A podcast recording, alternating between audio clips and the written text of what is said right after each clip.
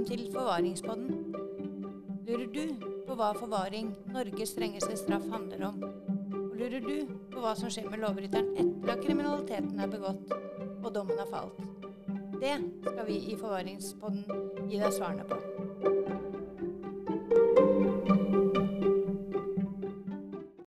Hei, og velkommen til Forvaringspodden.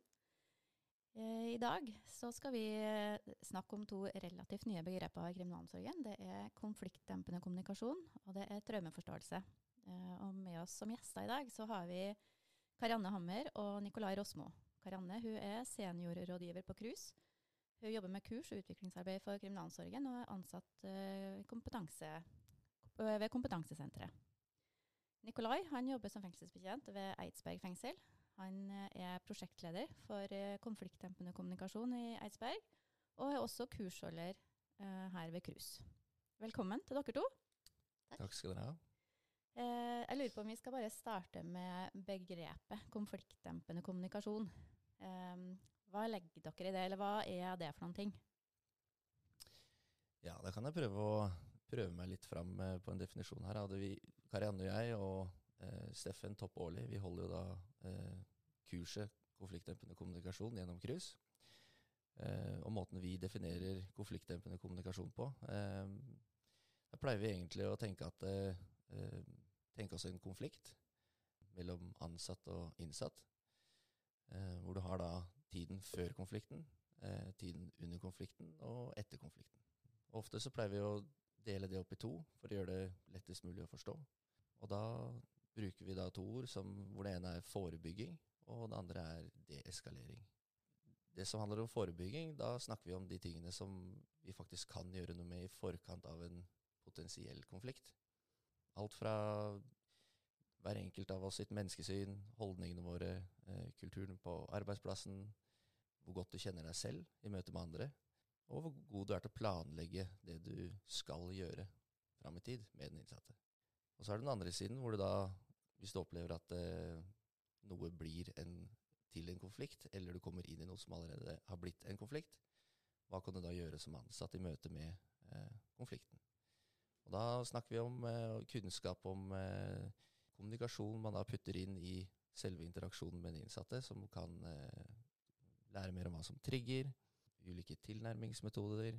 Så har vi mange ulike deeskaleringsmodeller eh, som vi er inne på. Og helt ned på sånn detaljnivå på hvordan man plasserer seg i rommet hvis man er flere i en gruppe som går inn i et rom. Hvordan kan det påvirke konflikten, eh, osv.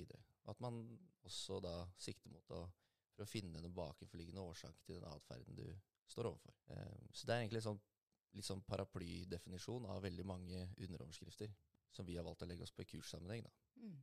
Ja, og så må vi jo egentlig bare først si, for det vet jeg at dere forkorter gjerne begrepet konfliktdempende kommunikasjon, KDK. Eh, og jeg har jo vært med på det her kurset. For øvrig må jeg bare si et av de desidert beste kursene jeg noensinne har vært på. Hvorfor det.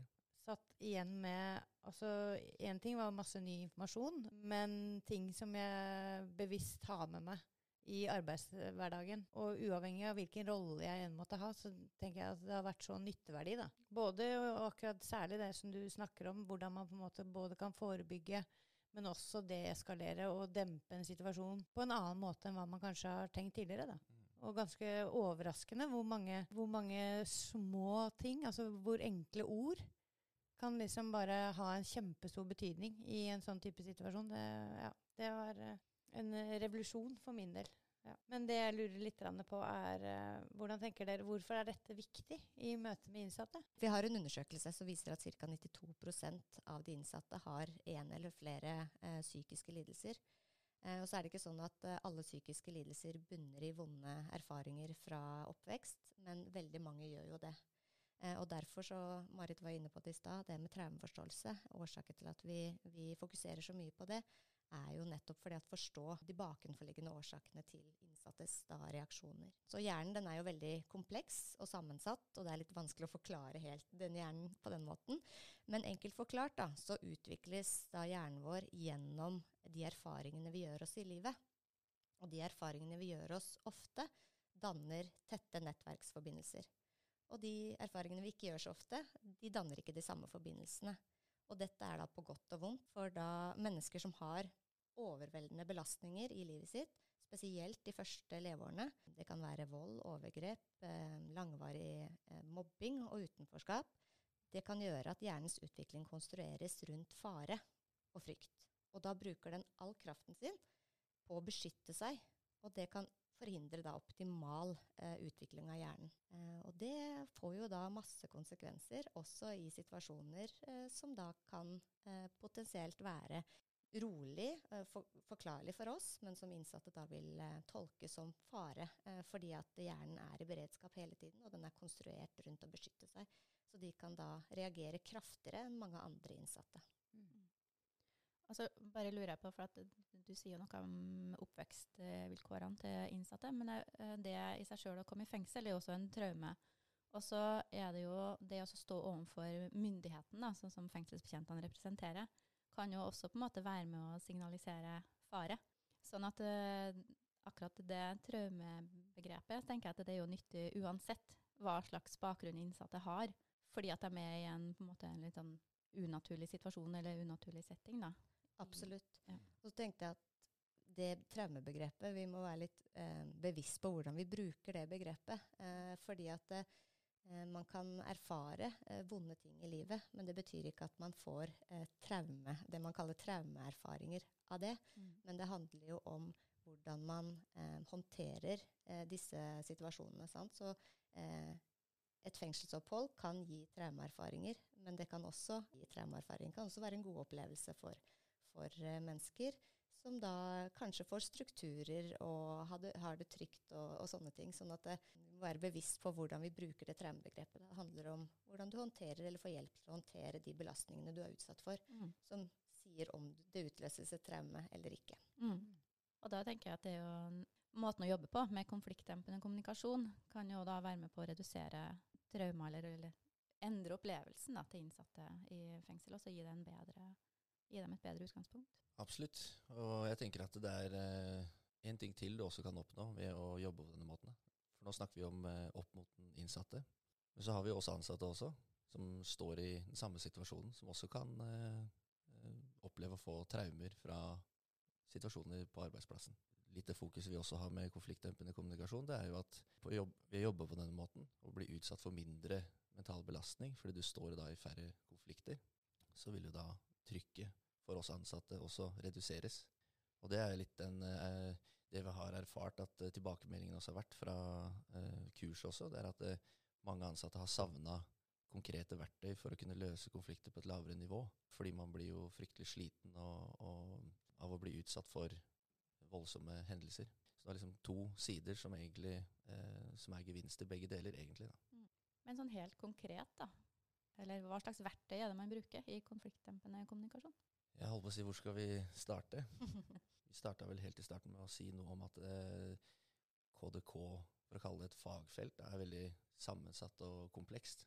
Det sier vi jo fordi det inneholder, eh, i hvert fall sånn som vi har lagd kurset, inneholder veldig mange elementer vi skal starte et sted, da, så, så hvis vi tenker oss, oss, selv i møte med andre mennesker, hvordan påvirker jeg det andre mennesket gjennom hva jeg kommuniserer med det andre mennesket? Så Det er liksom utgangspunktet. Og da har du på en måte den ene siden, hvor du kan da bli presentert ulike metoder og teknikker som du kan lære deg å være bevisst for å enten unngå konflikt eller dempe konflikt. Og så er den andre siden som handler mer om hvor godt kjent du er med deg selv, rett og slett. Eh, hvordan reagerer jeg i gitte situasjoner? Når er det jeg blir sint, irritert, krenka osv.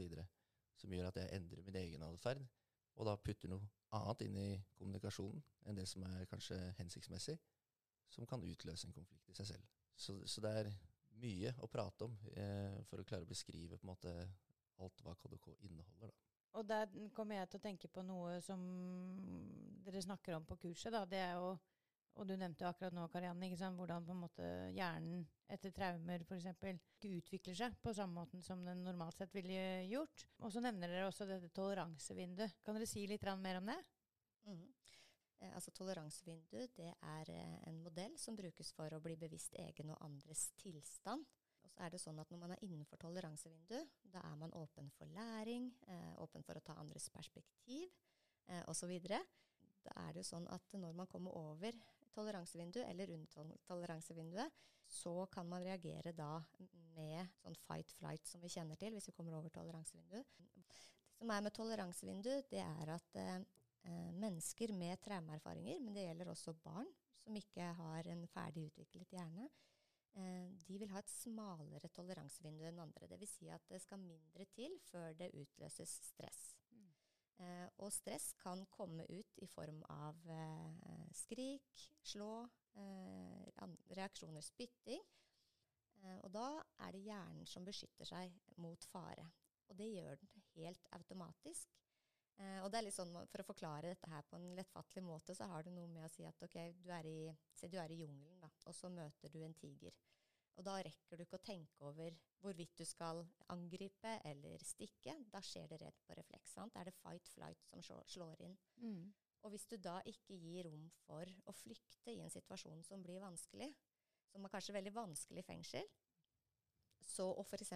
holder innsatte igjen, eller står i veien for innsatte, mm. da skjer ofte fight.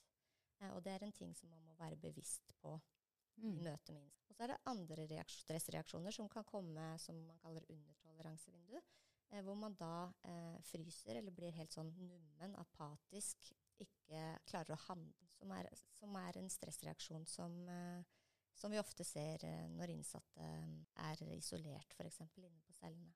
Blir apatisk og vanskelig å komme i kontakt med. Da. Så er det da måter og teknikker å, å møte disse menneskene på som er i disse situasjonene. Mm. Som vi har gjennom konfliktdempende kommunikasjonskurser. For å få de da tilbake igjen til toleransevinduet, sånn at de er her og nå, og sånn at de er mottagelige for, for samtale og læring osv.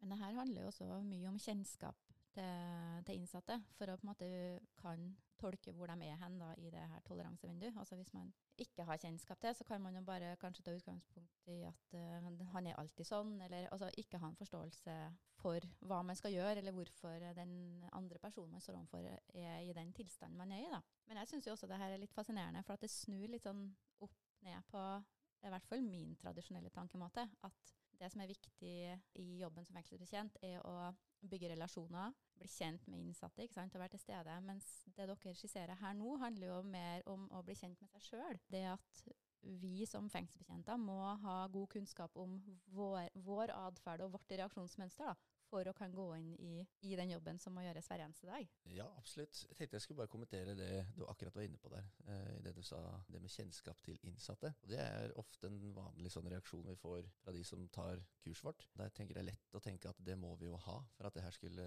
skal kunne virke. Og det er egentlig en eh, sannhet med modifikasjoner. Konfliktdempende tilnærminger kan også brukes overfor mennesker man aldri har møtt før. For noen eh, måter vi kommuniserer på, er jo veldig universelle. Og Hvis vi ser for oss et scenario hvor uh, du ikke kjenner innsatte, og tenker at uh, nei, her er det ikke vits å bruke noe tid på liksom, uh, å tenke over hvordan er det lurt at jeg møter han her, jeg, eller henne her, for jeg aldri møtt vedkommende før. Så jeg bare peiser på. det tenker jeg ikke er så lurt. For dette her virker også overfor fremmede.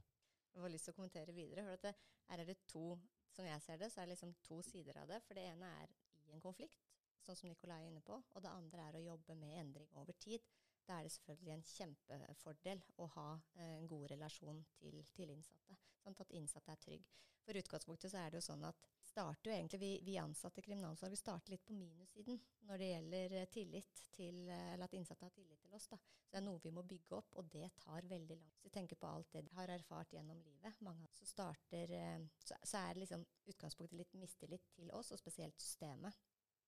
Så, eh, og så vet vi jo det at eh, har man en god relasjon til, eh, til, en innsatt. Bare det at du kommer inn på en avdeling, vil kunne gjøre for den innsatte at situasjonen roer seg, fordi det er du som er der. Da utløses stressreduserende hormoner i kroppene våre når man er trygg.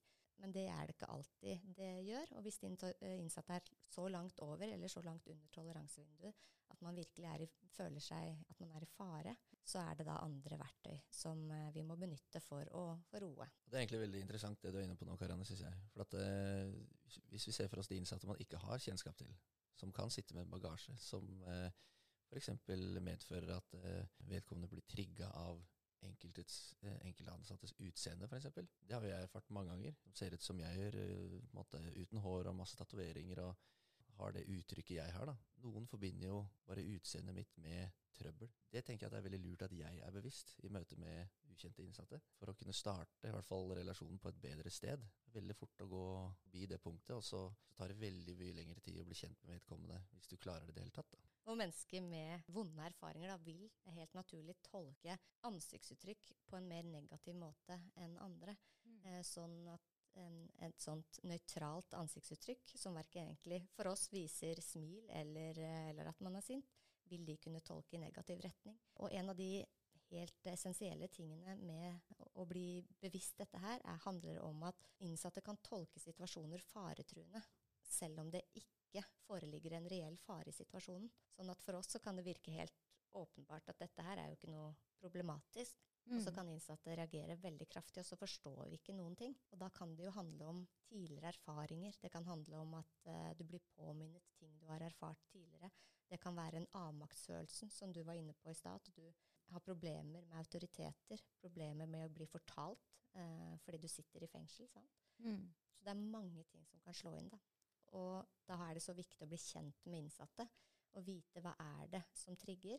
Så det å prate med innsatte i etterkant av situasjoner, det er jo da du vil bli kjent med ø, innsatte ordentlig og se ok, hva er det vi kan ta ut her som gjør at vi kan forebygge at det eskalerer i en neste situasjon. Måte, for det vil være veldig forskjellig fra innsatt til innsatt.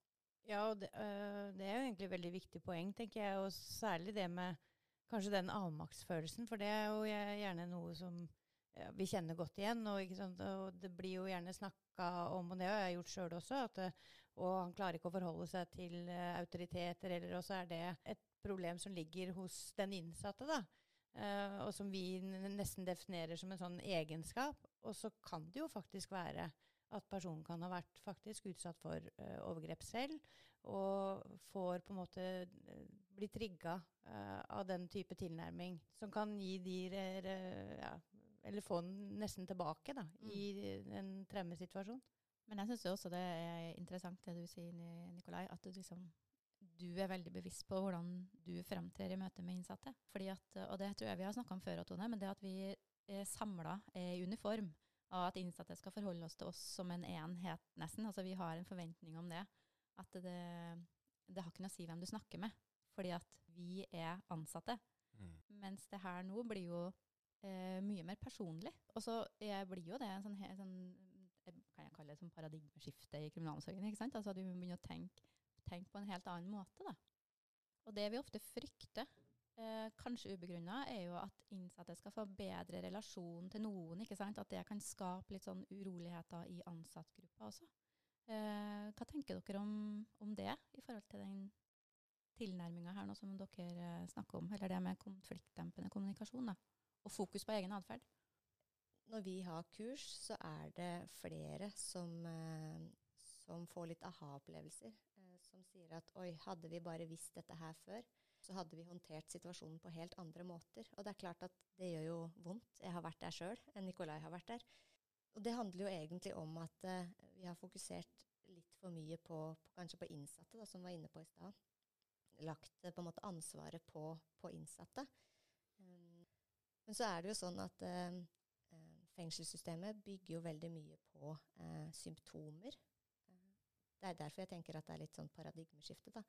Eh, vi kan snakke om vold, vi kan snakke om utagering, vi kan snakke om selvskading. Men så er det veldig få som fokuserer på den bakenforliggende årsaken til at innsatte reagerer som de gjør. Det er en årsak til at det skjer, og det samme gjelder jo oss, like fullt. Mm.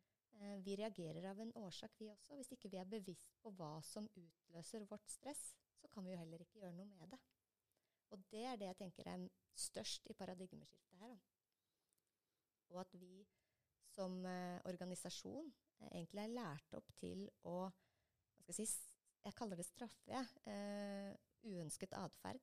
Eh, vi gir eh, reaksjoner på eh, uhensiktsmessige på en måte væremåter og atferd. Men så gir ikke det innsatte verktøy til å løse situasjonen bedre neste gang. Så det er ikke noe lærende i det. Det er ikke noe utviklende i det. Og denne forståelsen eh, kan skape reaksjoner hos eh, ansatte, fordi at vi skal jo sette grenser. Vi tenker at det ofte kan være litt sånn ja, men skal de bare få lov til å gjøre akkurat hva de vil? Men det handler om når du setter de grensene. Mm. For de grensene de kan man ikke sette i en eskalerende situasjon. For det skaper bare enda større eh, stress, både for innsatte og for ansatte. Mm. Så de eh, grensene de må komme når begge er rolige. Både innsatte og ansatte er rolige. Da kan man være i stand til å snakke om hva som skjedde, og de bakenforliggende årsakene, for at vi skal unngå at det skal skje igjen. Men du nevner de bakenforliggende årsakene, og hvordan vi burde forstå de, eller mm, prøve å forstå de. Og det er jo sånn som man gjerne kan høre, at hvorfor i all verden skal vi forstå, eh, eller skal vi forstå oss i hjel? Hva tenker dere om det? Det er egentlig et ganske godt spørsmål, syns jeg. For at, eh, jeg tror eh, mye handler om oss ansattes intensjon med hva vi foretar oss til enhver tid opp mot de innsatte. Hva er det vi ønsker å oppnå? Altså, I bånn så har vi jo en, en, et lovverk, straffegjennomføringsloven, og vi er jo eh, satt i en jobb hvor vi skal forsøke å hjel hjelpe andre mennesker til å endre seg, til å bli en bedre utgave av seg selv. Jeg tenker jo for min del at hvis vi, vi som ansatte ikke leter etter årsak og sammenheng til den atferden vi møter, som kan være utfordrende, eh, og kun håndterer den der og da, og heller ikke jobber med den i etterkant, hvordan skal vi da klare å endre vedkommende og hjelpe og endre at vedkommende endrer seg? Eh, så jeg tenker at spørsmålet, det er en essens i det. da, Intensjonen med det vi driver med til enhver tid. Et lett eksempel å beskrive det på er kanskje hvis vi ser for oss et, eh, et vaktrom, et bakrom på et fengsel, hvor mange ansatte er samla, og så kommer det en, inn, en ansatt inn som sier at eh, å, han innsatte bort på den avdelinga der er helt sånn kjempevanskelig, og han, han er bare vrang, og nekter å samarbeide og står og fyrer seg opp for ingenting. Og hvis ingen på en måte blir nysgjerrig på hvorfor, men bare gjør, lar det bli en sannhet, så tenker jeg det er lett for kollegaer rundt og møte innsatte på feil premisser. Ja, for, vi, for det er jo egentlig det her som blir litt interessant, tenker jeg. da, For, da, for som ansatt også, så har jo vi også et toleransevindu. Og så kan det jo være noe med en sånn type atferd at det også kan trigge vårt at vi også går ut og inn av dette toleransevinduet. Og det påvirker jo også hvordan vi møter, hvis vi iallfall er utenfor. Og det er jo den der bevisstheten da, rundt oss sjøl og i møte med, med, andre, og kanskje noen ganger at man burde trekke seg ut av en situasjon noen ganger. Og når man står i sånne situasjoner som ansatt, så er ikke det eh, så lett å gjøre der og da. sant? For når vi er ute av toleransevinduet, så klarer jo ikke vi å fokusere heller. Derfor er det helt avgjørende at eh, vi har hjelp av kollegaene våre også til å støtte oss i situasjoner hvor, hvor vi begynner å gå over vårt toleransevindu. Nicolai, når du er inne på det her med bakromsprat og sånt, så tenker jeg på det med holdninger og kulturen vi har i kriminalomsorgen. Det handler litt om hva man er lært opp til. Uh, og jeg har begynt å tenke litt over hvordan faktisk organisasjonen er strukturert, hva slags dokumenter vi har. Jeg leste nå nylig HMS-dokumentene fra, fra, kriminalomsorgen som handler om hvordan vi definerer vold og aggresjon. Og det syns jeg var litt interessant. fordi der står det bl.a. at, at eh, vold handler om å påføre eh, andre mennesker et, et onde da, med hensikt om å skade. Eller påføre noe smerte. Og hvis vi tenker at det er sånn mennesker som utagerer handler. At vi tenker at dette gjør man med vond vilje for å skade betjentene, f.eks. Så vil vi jo da reagere eh, med på en måte motmakt. Eh, og det er jo helt naturlig reaksjonsmønster fra vår side. Istedenfor at man kanskje tenker at dette her handler om noe annet. At ikke det er om vilje, men at det handler om at de kanskje ikke har evner til å håndtere ting annerledes fordi de ikke har lært det. Sant? Og det gjelder oss selv også fullt ut. Så da må man på en måte snu litt på den tankegangen vi har, da. Og dette er jo ikke ansattes feil. Jeg tenker jo at dette her ligger jo i kriminalomsorgen, og vi har et ansvar for å få denne kunnskapen inn i regelverket også, måten vi forstår mennesker på. Jeg sa jo innledningsvis at det, her, det, det vi skal snakke om i dag, er relativt nye begreper. Og når du eh, kommer med sånne eksempler, Karianne, så blir jeg jo litt forundra også. Altså, hvorfor er det her så nytt for oss? Eh, det er jo egentlig i, i 2023 eh, litt rart at eh, vi ikke har gjort noe med det her tidligere. Eh, og jeg tenker at eh, kriminalomsorgen ligger litt tilbake. Eh, kanskje fordi at vi ligger inne i straffesporet. innenfor helse så er dette her mye mer kjent nå. Dette er jo kunnskap som Altså, dette er kunnskap som er 100 år gammel, men det her med, med hjernen og kunnskap om hjernen, at man kan skanne hjernen og se, eh, se spor etter vonde erfaringer fra oppvekst f.eks., og at det har en påvirkning også i voksen alder, det er jo ja, 15 år gammelt, kanskje. 15-20 år gammelt. Mm. Men kriminalomsorgen har ikke tatt det inn over seg ennå.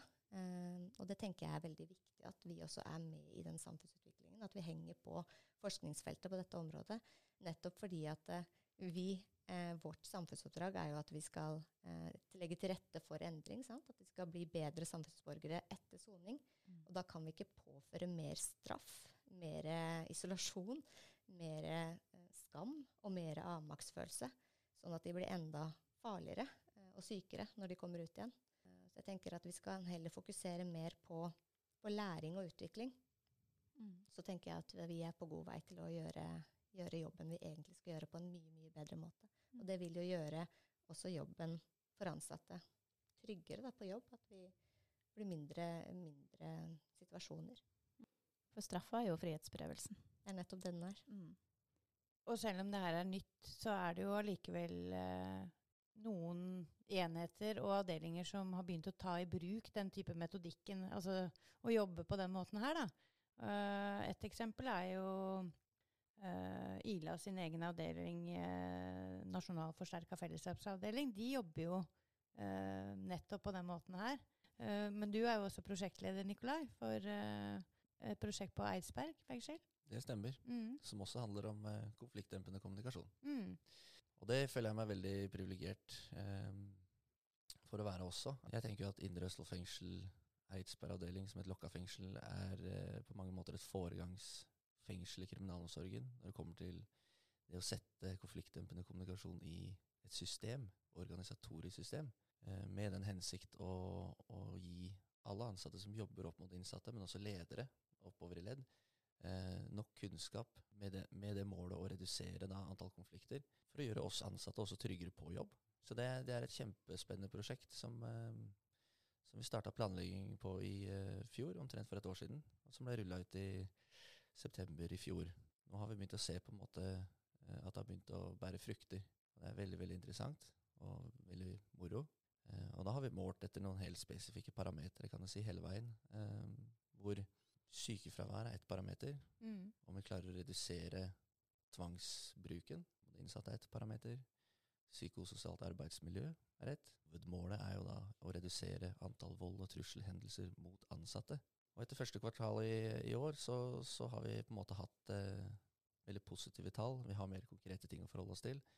Eh, som viser at vi er på, måte, på riktig spor. Og det er eh, kjempe, kjempegøy. Det viser at eh, ved å lage det i en prosjektform, så, så får du også et mye større nedslagsfelt. Får inkludert mange flere enn det vi klarer å nå gjennom kurset vårt på cruise. Som begrenser seg i antall plasser og antall ganger i året.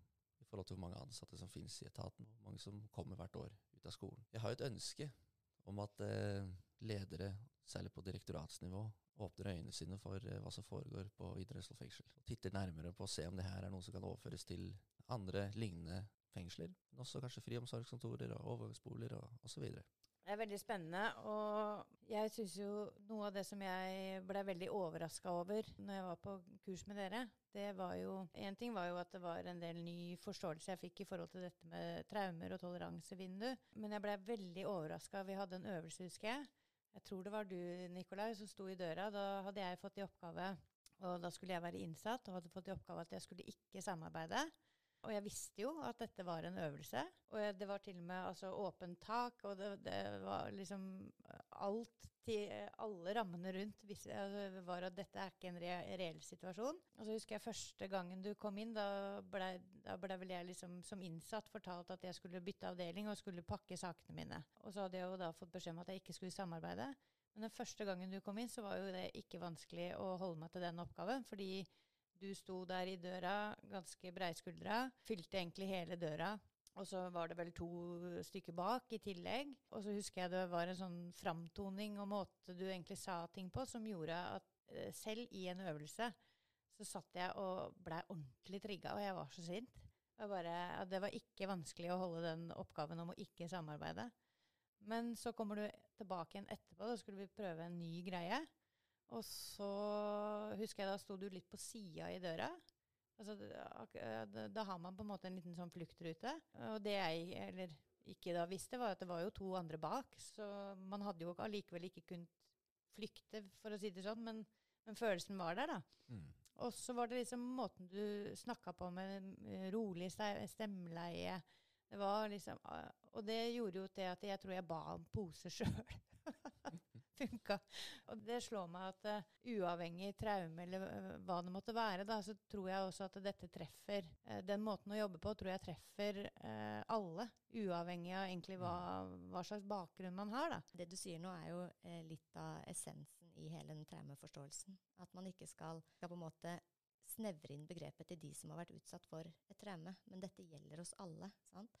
Nå har Oslo by blitt beslutta at de skal jobbe traume. Og Det betyr at de, denne forståelsen skal inn i barnehager, skoler, barnevern osv. Og, så og det handler jo nettopp om det vi er inne på nå. At mm. det, handler, det gjelder oss alle. Ja, og de casene som du har vært med på, da, eh, sånn som den du beskrev nå, den er jo lagd nettopp for å gi kursdeltakeren opplevelsen av at vi som ansatte kan komme eh, inn på en celle til en innsatt med det samme budskapet på to forskjellige måter og egentlig si det samme.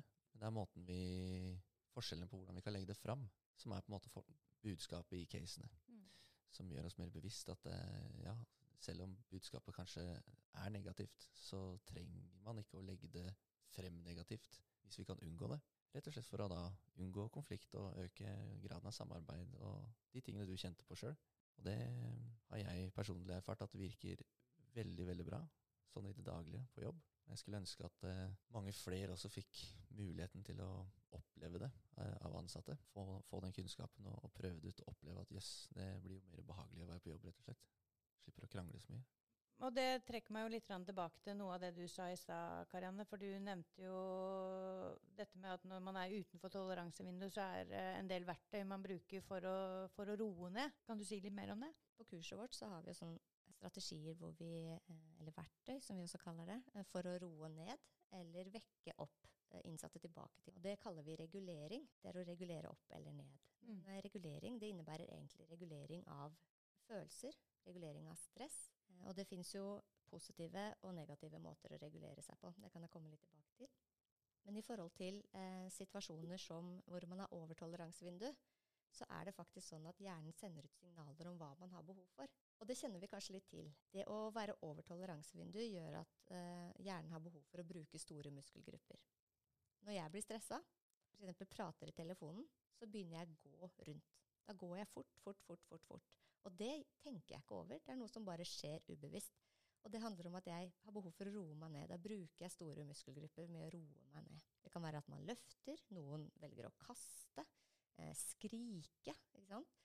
Sånne ting det gjør at vi utløser eh, stress, og så roer vi oss igjen etterpå. Og det gir en kjempeeffekt i hjernen som, som, går mye raskere enn ventede ut. Eh, og det samme er når man har undertoleransevindu, så er det andre reguleringsmekanismer som, eh, som, slår inn. Og det er at man har behov for sansestimuli for å vekke personen opp og tilbake igjen til toleransevinduet hvis man ikke får kontakt, f.eks. Eh, hvor innsatte kanskje kan være eh, deprimert at man kanskje også kan være på vei inn i en psykose. Eh, det kan man jo finne ut ved å prøve noen av disse her eh, litt dempende tilnærmingene, da, som kan være eh, alt fra stemmeleie, lett berøring, det skal man jo være litt forsiktig med i forhold til eh, traumeerfaringer. Eh, det kan være plassering, hvordan du plasserer deg i rommet. Varm drikke, kald drikke osv. Det er mange ting man kan vekkes opp igjen til toleransevinduet. Så disse tingene er eh, veldig lettfattelig egentlig eh, å bruke. Det er lett å bruke det i kriminalomsorgen hvis man vet hva det innebærer, og at det faktisk har stor effekt. Da. Ja, Så pleier vi også i kurset å sette ord på det sånn i forhold til ansattperspektivet eh, i møte med innsatte. Eh, hvor vi da skal forsøke som ansatt å f.eks. hjelpe en innsatt eh, ned igjen, en sint innsatt. Ved å være en, da en støtte underveis, en reguleringsstøtte for den innsatte. Så det er altså et begrep. Reguleringsstøtte. Men så er det en annen ting som også er veldig viktig. Det er jo da hvorvidt vi klarer å regulere våre egne følelser i øyeblikket. Så det er egentlig en ganske komplisert jobb. Du må ha kontroll på deg selv for å kunne hjelpe en annen mm. å regulere seg. Så det, dette henger sammen. Og, og, det pleier vi også å si også, at ansatte må være eh, rolig for at innsatte også skal, skal kunne bli rolig i andre enden. Det henger sammen. Men en ting jeg har lyst til å si også, for jeg har også erfart nå etter eh, lang tid på, på Eidsberg, men også fra kurset, med kursdeltakere som, som hvor dette fenomenet eh, KDK er litt ukjent, eh, men som kanskje har jobba i fengsel i mange år, eh, stiller spørsmålstegn eh, og lurer på om er dette her noe som skal bytte byttes ut med liksom det sikkerhetsarbeidet som vi er vant til, og som vi har lært opp til på en måte fra før. Er det så lurt? på en måte? Bare for å legge den død med en gang, så, så er det ikke det konfliktdempende har til hensikt å gjøre i det hele tatt. Dette er et supplement, en uh, rekke verktøy som vi kan benytte oss av helt i bunnen av den makttrappa, kan du si, før man måte uh, tar neste steg opp og f.eks. pågriper eller låser inn og isolerer eller setter på håndjern eller alle stigene. Og det er her litt mangelen har vært, hvis vi i hvert fall i kriminalsorgen hele, veien, er at uh, hva skal vi gjøre fram til det punktet hvor vi må si stopp? Vi har, ikke lært så veldig mye om det på skolen, rett og slett. Men det er her, er, er her KDK kommer inn sånn. Ja, nå kom jeg på noe, Nikolai, når du var inne på det her. For det, det handler litt om å utvikle denne kompetansen også underveis i en situasjon, eh, mens vi pågriper, og også etter at vi pågriper. Eh, vi har jo fått en del kritikk, bl.a. fra Sivilombudet, eh, hvordan vi har håndtert belteseng f.eks. Og mye av det handler jo også om ivaretagelsen når man ligger, eller manglende ivaretagelse når man ligger i belteseng. Så det er mye man kan bruke av denne kompetansen også underveis, selv om man pågriper. Og ikke minst i etterkant. Altså snakke med innsatte snakke sammen som ansatte i etterkant av situasjoner, for å lære av situasjonen. For, for, å forebygge at det skal skje igjen. Og bare for å opplyse de lytterne som ikke er kjent med helt hvordan vi jobber i kriminalsorgen, så når du sier pågripe, så handler jo det om at noen ganger så kan det være at eh, en situasjon er um, så faretruende Uh, at uh, ansatte er nødt til å ta fysisk tak i innsatte. Og enten holde de der, eller også noen ganger legge de ned på gulvet. Uh, og tidvis også transportere de ned til enten en annen type celle eller ja. Og så har jeg lyst til å kommentere litt på det du sa, Nikolai. For at du har, eller det er noen som tenker at det her kanskje går på bekostning av sikkerhetsarbeidet. Eh, men så som jeg har fått forståelse av nå, da, i den tida vi har sittet og snakka, så er jo det her, det her er jo sikkerhetsarbeid. Og vi har jo, eh, altså På skolen så lærer vi om den dynamiske sikkerheten. ikke sant? Det å være til stede og ha kjennskap til å få med oss Eller liksom prøve oss å være litt i forkant. da. Mm. Uh, og det her er jo egentlig bare et nytt verktøy. Uh, et veldig, veldig godt verktøy uh, som vil ivareta sikkerheten på en mye bedre måte. Sånn at jeg, jeg stiller meg litt sånn uforstående til det, at det her er ikke sikkerhetsarbeid. Jeg er helt enig med deg. Jeg tenker at det, dette i aller høyeste grad er sikkerhetsarbeid. Og det, det, jeg mener med det, er at det faktisk er denne forståelsen vil skille litt i gapet som mange kan oppleve mellom miljøarbeid og sikkerhetsarbeid i fengsel, og også mellom helse og, og, og straffesakskjeden. Fordi at man nettopp forstår ting på en annen måte.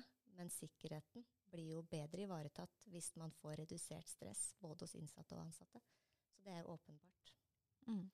Ja, og ikke Altså, jeg, jeg, kan faktisk ta et eksempel ganske nylig sjøl. Jeg jobber jo da som assisterende fengselsleder eh, ved et lavsikkerhetsfengsel. Og så satt vi på overlapp jeg var med på overlapping mellom to vaktlag, og så ble det der informert om at det var en innsatt som ikke hadde vært på sysselsetting, og hadde heller ikke kommet uh, og hatt noe dialog med vakta, men hadde bare sagt seg syk. Uh, og hos oss er det veldig Det er på en måte en plikt alle innsatte har, det er å være i aktivitet og sysselsetting. Og så hadde han ikke forholdt seg på en måte til de rutinene vi har. Uh, og så er nok det, uh, har jeg nå i seinere tid erfart, at det trigger meg nok litt når noen kan fremstå som kaller late. Også idet jeg går ut fra vaktrommet og over plassen og skal egentlig over til kontoret, så møter jeg han litt sånn dansende nedover,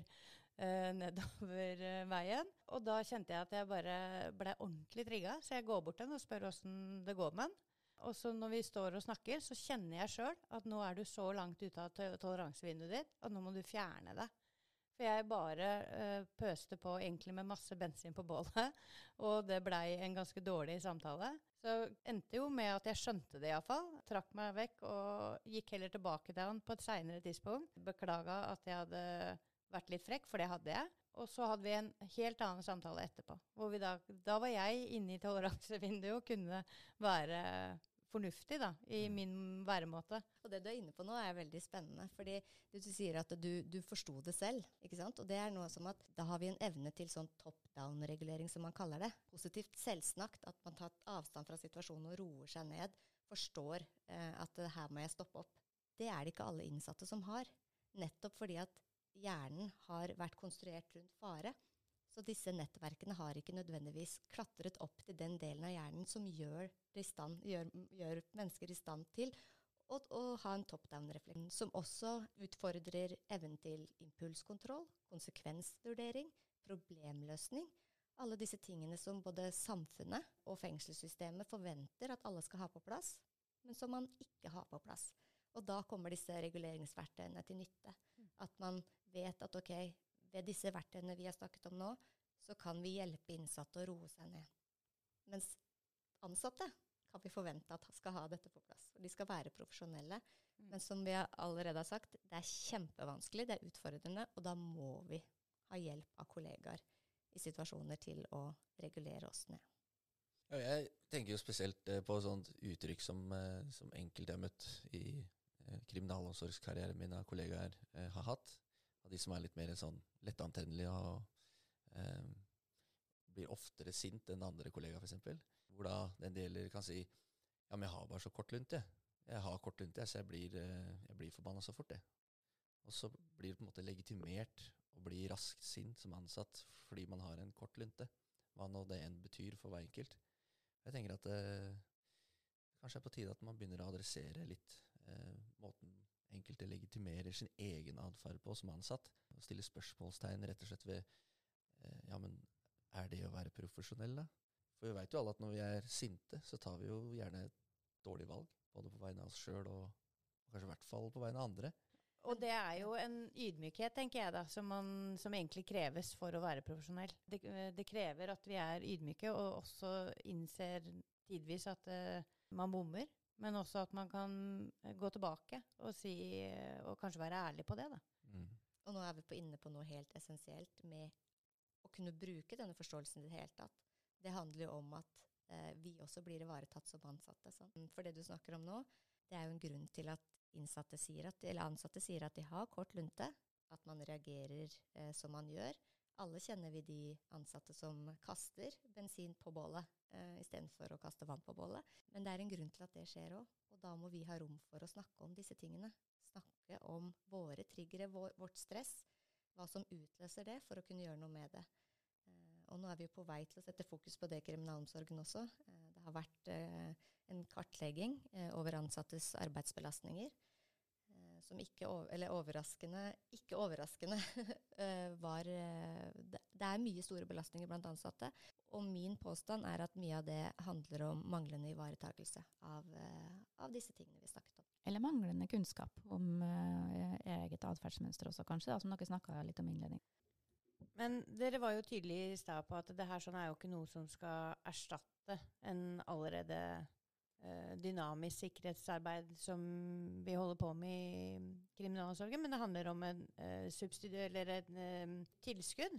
Uh, og det jeg lurer litt på, er liksom hvordan er det denne traumebevisste praksisen, da? Hvordan er det det kan påvirke en del av de områdene som vi allerede i dag har egentlig veldig godt fokus på? Altså det, vi har stort fokus på å redusere antall selvmord og selvskading i fengsel isolasjon. Det er mange, mange, ting vi allerede jobber med i dag. Hvordan er det det her som kan være et tilskudd til sånn type arbeid? Jeg tenker jo det at eh, fokuset på lempeligere midler, at vi er faktisk pålagt å bruke lempeligere midler i kriminalomsorgen, eh, det er helt essensielt her. Eh, og vi har jo fått eh, kritikk fra Sivilombudet om at vi ikke har nok kunnskap om å bruke lempeligere midler. Så det er jo litt av bakgrunnen for at vi hadde dette KDK-kurset også. At vi tok utgangspunkt i de manglene som Sivilombudet fant. Og når vi var inne på regulering i stad, Og sa jeg at jeg skulle komme tilbake til, til noe om det. Og det handler jo om at uh, regulering av følelser, uh, det også, uh, handler også om selvskading bl.a. Det, det er jo regulering på en uhensiktsmessig måte.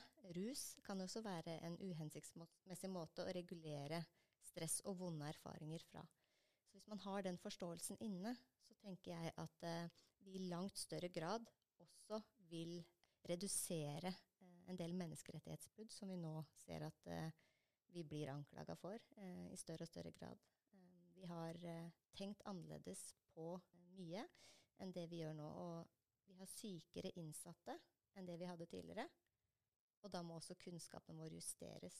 Da må vi få mer påfyll av kunnskap som ivaretar den innsattgruppa vi har til enhver tid.